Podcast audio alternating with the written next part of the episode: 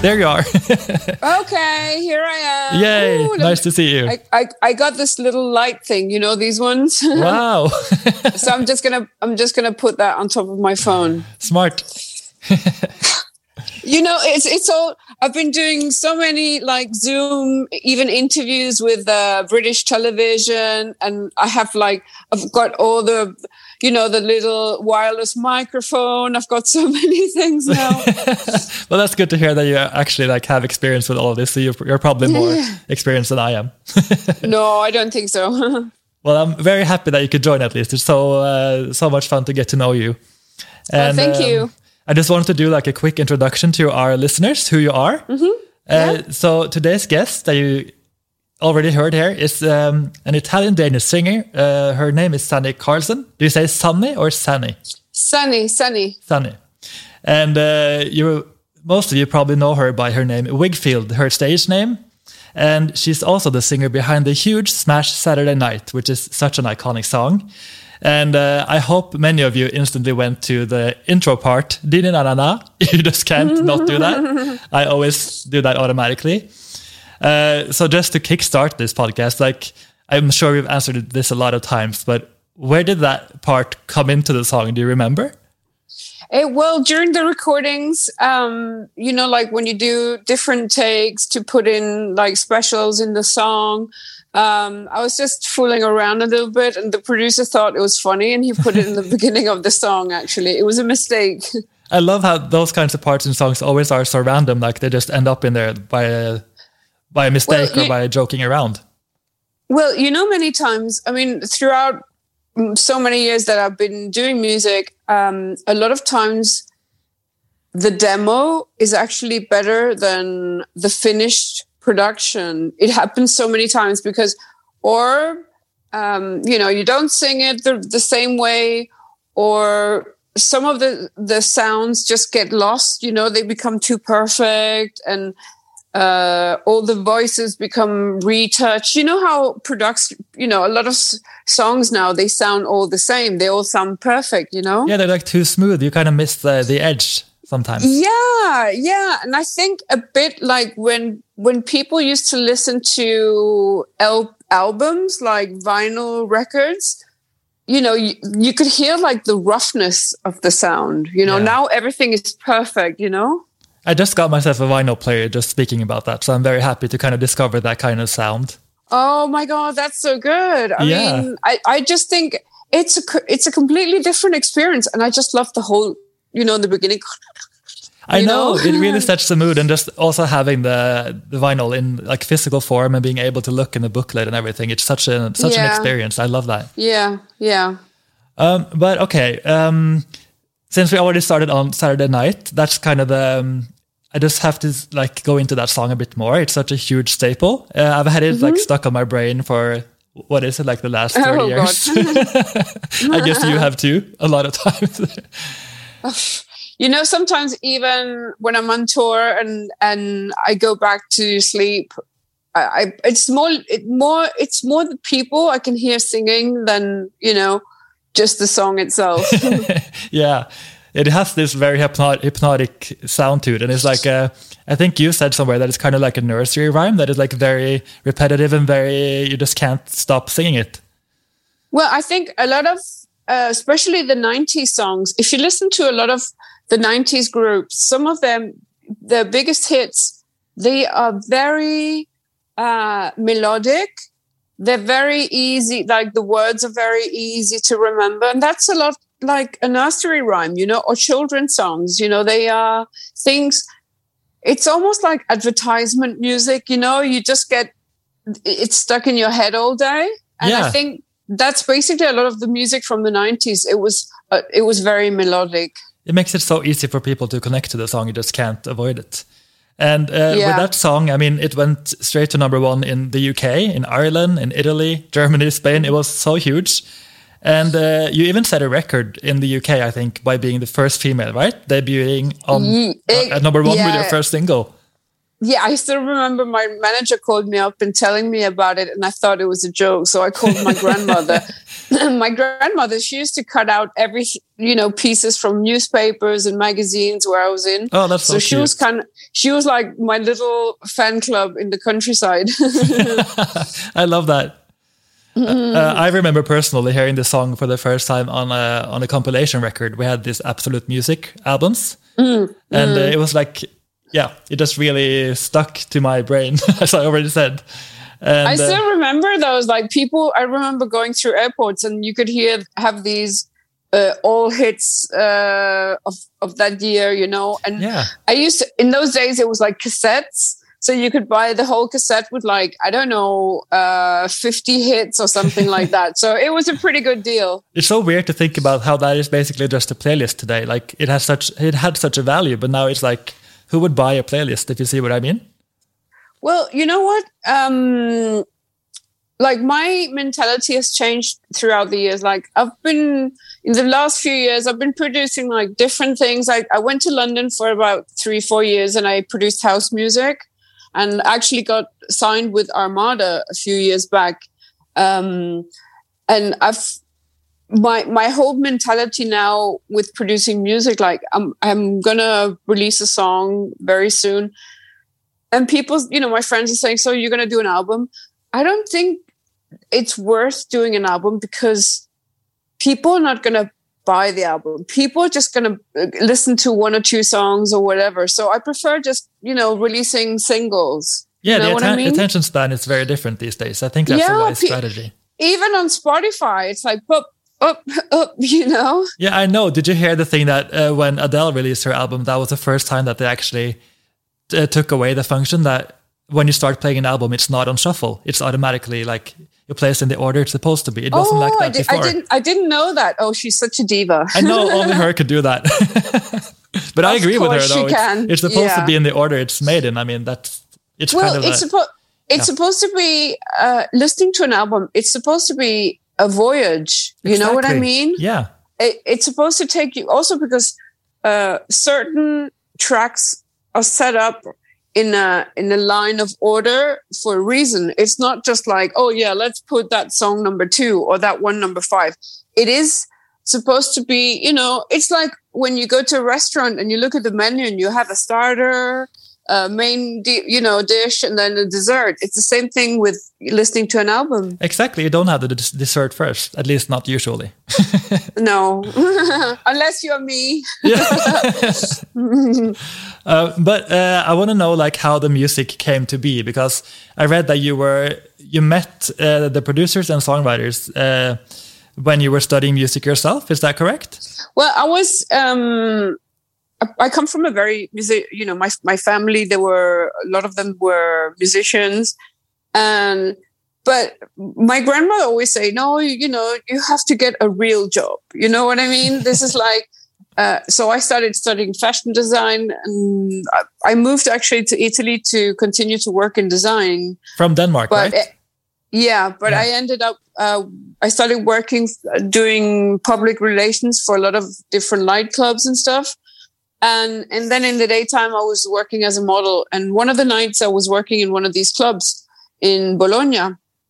This was in year. This was in 1992, like long time ago yeah. uh, one of the DJs playing there was a guy called Davide Riva, and he was working together with this uh, producer called Larry Pignagnoli, who was in those days he was famous for um, he did Easy Lady by Spagna and Oh. Call Me a few hits, yeah.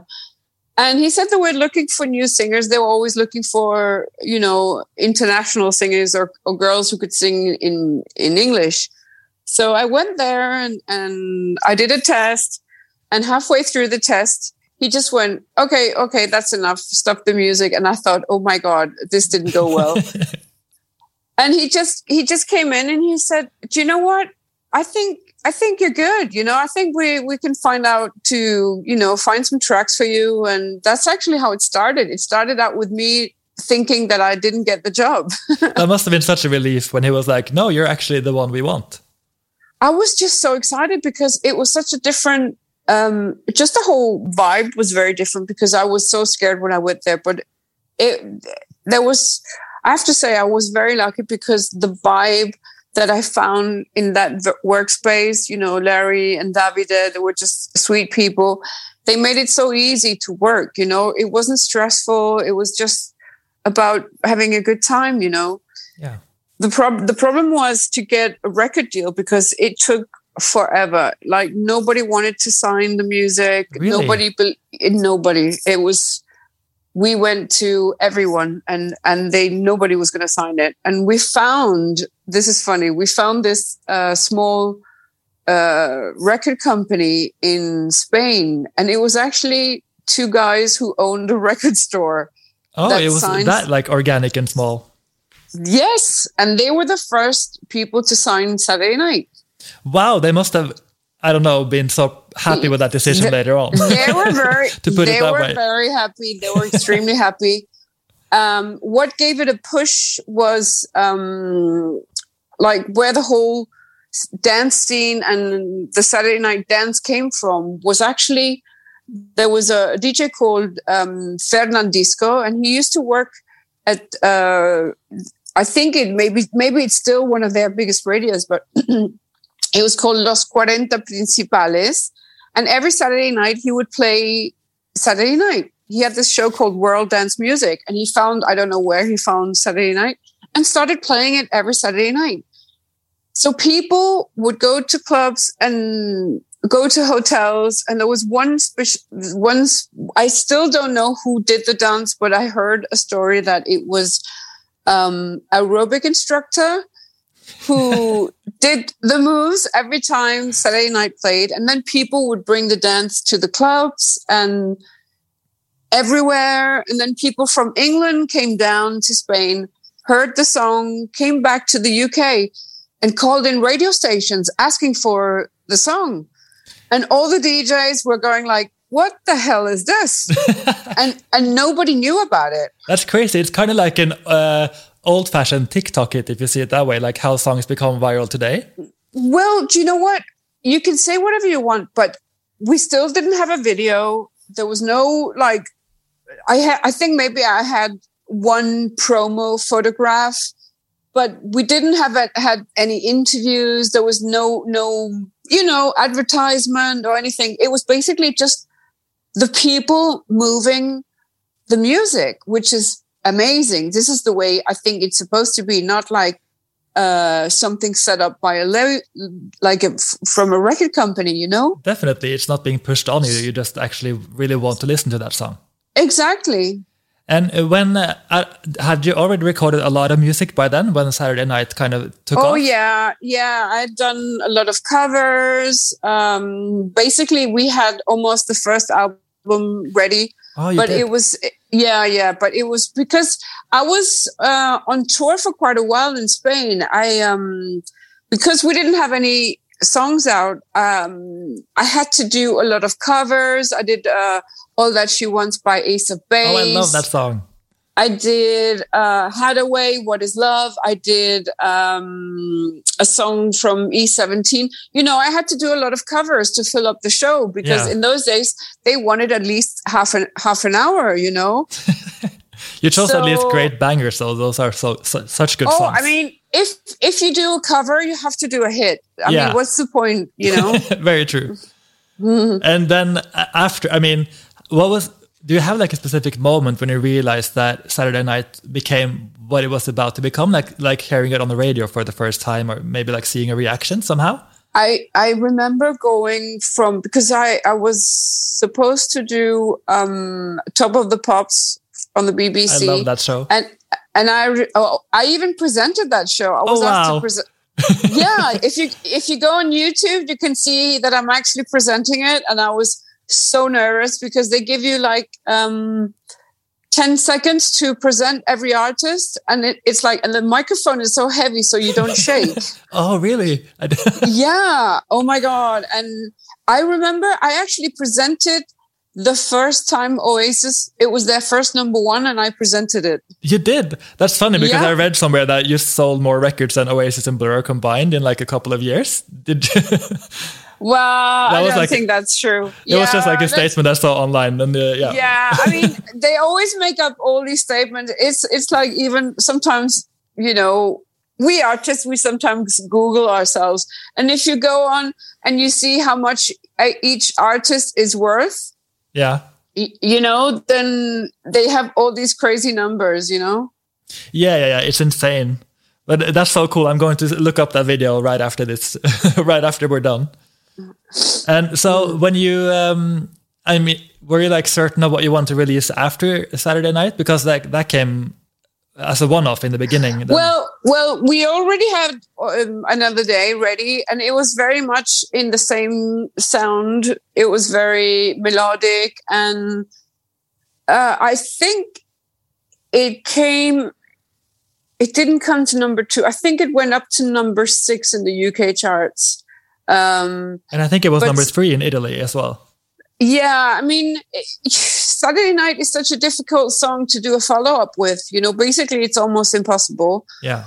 Um, the funny thing is, um, Australia, when I went to Australia to promote Sexy Eyes, which is their biggest hits in Australia, every time I would do Saturday night during shows, people would go like, what's this? They didn't like it? like, no, no, no, no, at all, at all. Like people in Australia are crazy. They have their very specific taste, apparently. Yeah, but like se- sexy eyes was for them, you know, the biggest thing on earth. But that song is also so addictive. I mean, I've had the, uh, the, the la la la la la la la. Yeah. That part is like stuck in my head also forever. But you see, it's all about melody. You know, I think when I listen to music nowadays, I think a lot of it sounds the same. If you like, I, I normally I go for a run and stuff, and I put on Spotify, and sometimes I put on like Spotify hits, and I think a lot of the songs they sound the same. yeah. It's like Totally. they don't really, they don't, re- you know, you can't say anything about the singers because they're great singers. The production is great. They just don't give me anything. It doesn't stick to my head, you know? I agree. And they also get like shorter and shorter just to make it easier to stream. And I think that's a sad result of everything, like how we consume the music. Yeah, it's well, it's it's it's like labels now going on Instagram or uh, YouTube to find new artists to see because they look out people who already have like a are like uh, a follower following of five million or ten million. You know what I yeah. mean? An easy start So- for them or easier.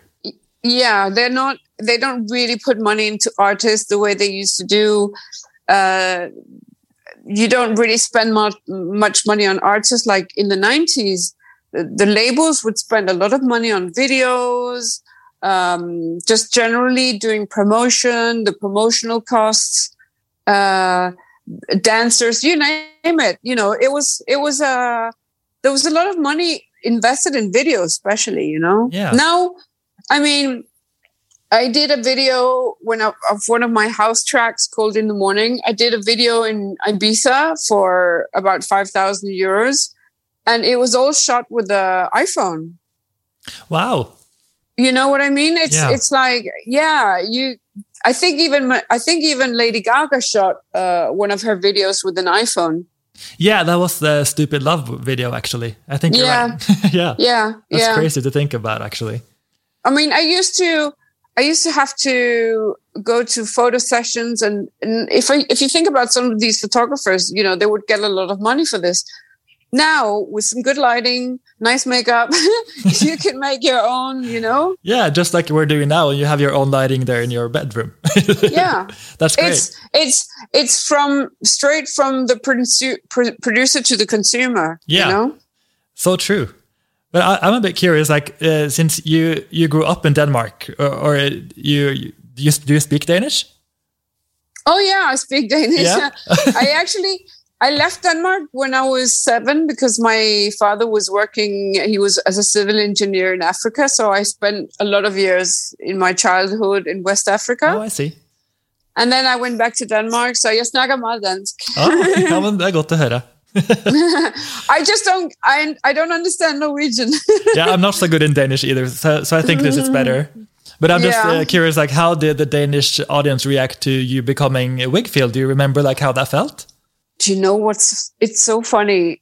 Like the, because in in denmark it was more like you have to you had to in those days you had to be making cool music or jazz music or stuff like that.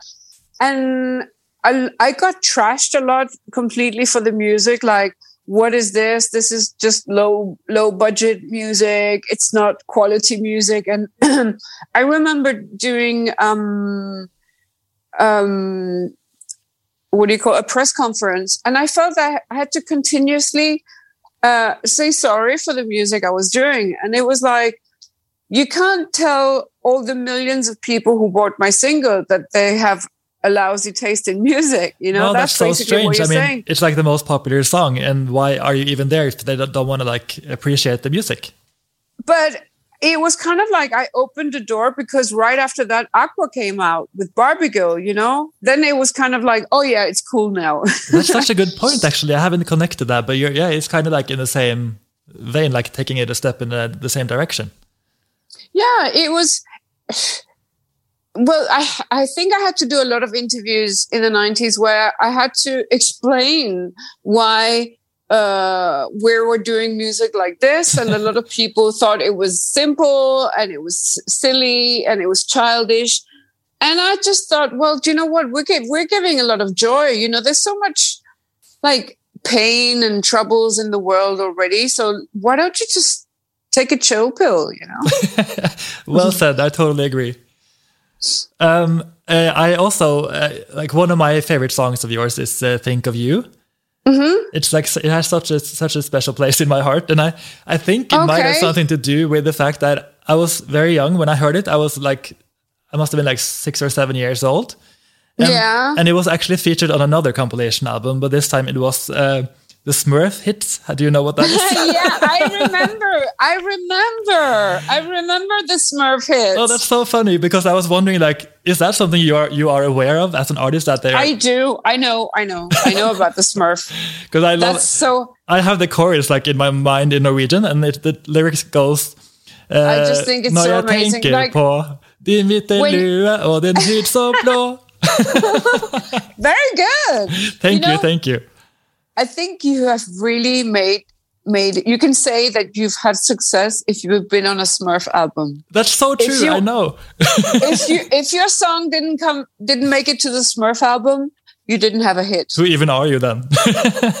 Who are you? You, you haven't been on the Smurf album. That's so funny. Mm-hmm. And um, the following years, you release a lot of music uh, with Whigfield. You released Whigfield. Yeah. I mean, the first album, Whigfield One, Whigfield Two, Whigfield Three. Was there like a different process between the first album and the second and third?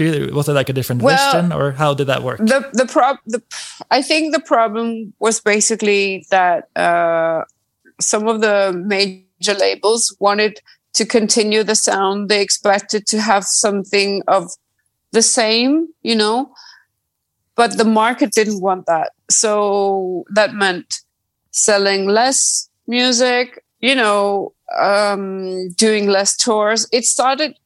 I think after the second album, it was already started to come down um, what happened was though i was signed to so many different small independent record labels around the world so i would even though the success was going down maybe in the uk then i would start to work um, in north north north america i would go to australia i would go to japan you know so it meant that i could continue working even though my career was yeah let's say going down a bit in the uk But that's nice. At least you had the, got, got the ability to kind of uh, feel the love for your music, even though it wasn't uh, received as well as the first ones.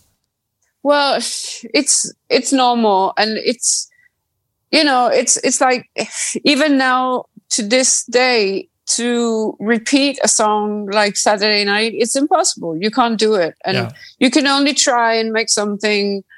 You know now. I have a few demos that I wanted to come out with this year, and one is really cheesy. And I don't know if I don't know if people are gonna go, "Hey, girl, that's crazy." and uh, then I have an I have another song that I think uh, I'm gonna come out with uh, in spring, which is a bit different, you know. So I don't really care now. I just want to make music and come out with it, you know. that's so refreshing. Um, but these songs will you release them under uh, Whigfield or Sunny? What's the plan? No, it will be Whigfield. I'm I'm just gonna do Whigfield now because I tried the house the house thing and it just ended up being very expensive to me because I I kind of I like producing in London, but it's really expensive to get you know the studios and and I paid for my own videos. I paid for everything. And even though I was lucky to be signed with Armada, which is like a huge house music label, the money, you know, they don't really invest in in they only invest in their big artists, you know. Yeah, yeah, that must be very hard. But uh, so yeah, so, so I have my own label, Sunny Pop. Oh, that's exciting! I can't wait to hear those songs. And uh, I know that you've actually written songs for uh, some other artists as well over the yeah. years. For example, Benny Benassi you worked with and yeah. sung for as well. that was funny. Um, I, I, I, I kind of like that procedure because I was left very um, free, you know, like it's it's not like when you're collaborating with someone like when you are writing a song with someone but if you are left free completely free to to do the song it's really nice you know yeah like total freedom in like creative ways. exactly exactly exactly and you also uh, actually competed in uh, the Danish Eurovision in 2018. Oh, is that embarrassing for you? yes, it is. no. And I was that was so bad. I was singing so bad. I don't i don't know what happened but anyway it was you know one of those days where everything goes wrong goes yeah, wrong? I couldn't tell though. And it was hard to find the performance but i did find it in the end but no no no. It wasn't it wasn't very good. I didn't sound very good. And it was just one of those things and i thought you know i i thought because every year they kept on asking me do you want to write music for the competition? Do you want to be part of the competition and and that year I actually had a song and I thought, why not? You know, let me just I so I sent it in and they wrote me back that they liked the track and they wanted me to be part of it. And I just did it for fun, you know. It was I didn't honestly, you know, I was sad that I didn't win or whatever, but it was a good experience, you know. And then it gave me like uh, a week to be in Denmark, and you know, it it was a lot of work. There was a lot of rehearsals and a lot of testing and this and that, but it was a good experience. You know, well, that's good to hear that it was a nice experience in the end. But, but it's not something I'm going to look back at. but that song, though, is very catchy, "Boys and Girls," and it kind of reminds me. It's like in the same vein of. Having... I actually I shot the video in my house. You did. I did. Wow. on a on an iPhone. That's so cool. But I was going to say, it reminds me of. Uh, do you know Rachel Stevens, the UK singer? Yeah, yeah. Her song yeah, "Some yeah. Girls." It's kind of like in the same vein. I, that's a compliment because I love both yeah, both songs. Well, thank you so much. So that's very was very cool to kind of hear the influence. And um, mm. I, I read in an interview right before I met you now that you have a question that you kind of wish that people asked you more, and uh, that is actually, "Are you happy?" So I wanted to ask you that. Are you happy these days? do, you, do, you, know what the funny thing is? Um, when COVID happened, uh, that year I, I, I was in Dubai when everything happened and I, I managed to get home. And I just remembered when they started the lockdown and I went, oh my God, I'm going to go crazy to be able to not leave your house and just be stuck, you know, for who lo- who knows how long. And I thought it's going to go really bad. So what I did was I I made a plan in my head. Like I would plan out my week. It, it could be anything like cleaning the closet or cleaning the house, the window, whatever it was. So every day I had something to do. And I've learned, I think COVID and lockdown has helped me to become more real, like appreciate the little things in life, like just to have a bed to sleep in and food to eat and to have good friends. You know, even the just small and simple things make me joy now to go for a walk in in the woods. I know it sounds very it might sound very boring, but it sounds um, like a very um, healthy perspective, I think. I don't, you know, I don't drink alcohol anymore. I live very healthy. I do a lot of sport. And I think a lot of people, you know, they're they're rushing through life looking for something that they don't know what it is. And i think i found that thing that makes me happy which is a simple life you know? Yeah. Not not having things. I don't care about having things. I i really don't care about owning things i just want to live a nice and simple healthy life with good friends and good food that's it. Oh, that's a very nice uh, statement, if you can call it that. So, so yes, I am happy now. Like a lot of people, they would think, oh, when you were young and you had so much success and and you were earning money and everybody, you know, but that is not real life. You know, people. I never understood why people want to be famous because to be famous and being recognized in supermarkets is not fun. It's yeah, because you must have gotten a very like strong taste of that in the first years, oh, right? Oh my god, it was horrible. And then you know, I would open the newspaper, and there's always like pieces about me and this and that, and you know, that is not fun. That that's not help. You know, um, that's not something that gives you joy. What gives you joy is you know if you write a song and it, it becomes a success and all those things but I, fame is not you know? No i can imagine that. Uh, but uh, part of that healthy lifestyle is that also making music for you? Is that like an important part for you? Uh it's made me a bit more lazy. Because i i work like i write music i work very good under stress so if i have a deadline if i have to write a song for somebody and i have like a week to do it in I would start maybe on the Friday. I see what you I've mean. I've always done that. Even when I was in school and I had to study for exams or whatever, I would always do it in last minute. But I think also because my memory is not the way it used to be. so. Can I ask you if it's not embarrassing to just say the Didi Na Na Na part for me, please? Like sing it or say it? Didi Da Da Da. oh, such a big moment. I am honored. Um, Sorry, I'm just drinking some water. No, that's fine. I'm actually going to wrap this up now. I think we've been through the most parts, and I mean, you have so much to talk about in your discography and everything. But I think these were like the main bullet points. Okay. Okay. Thank you so much. Thank you Where so much. you go? Yeah, we're breaking yeah, we're up. Oh. But that was a good timing, okay. though. But so have a lovely day. You too. Thank you so much for doing this. Bye. Bye. Bye-bye.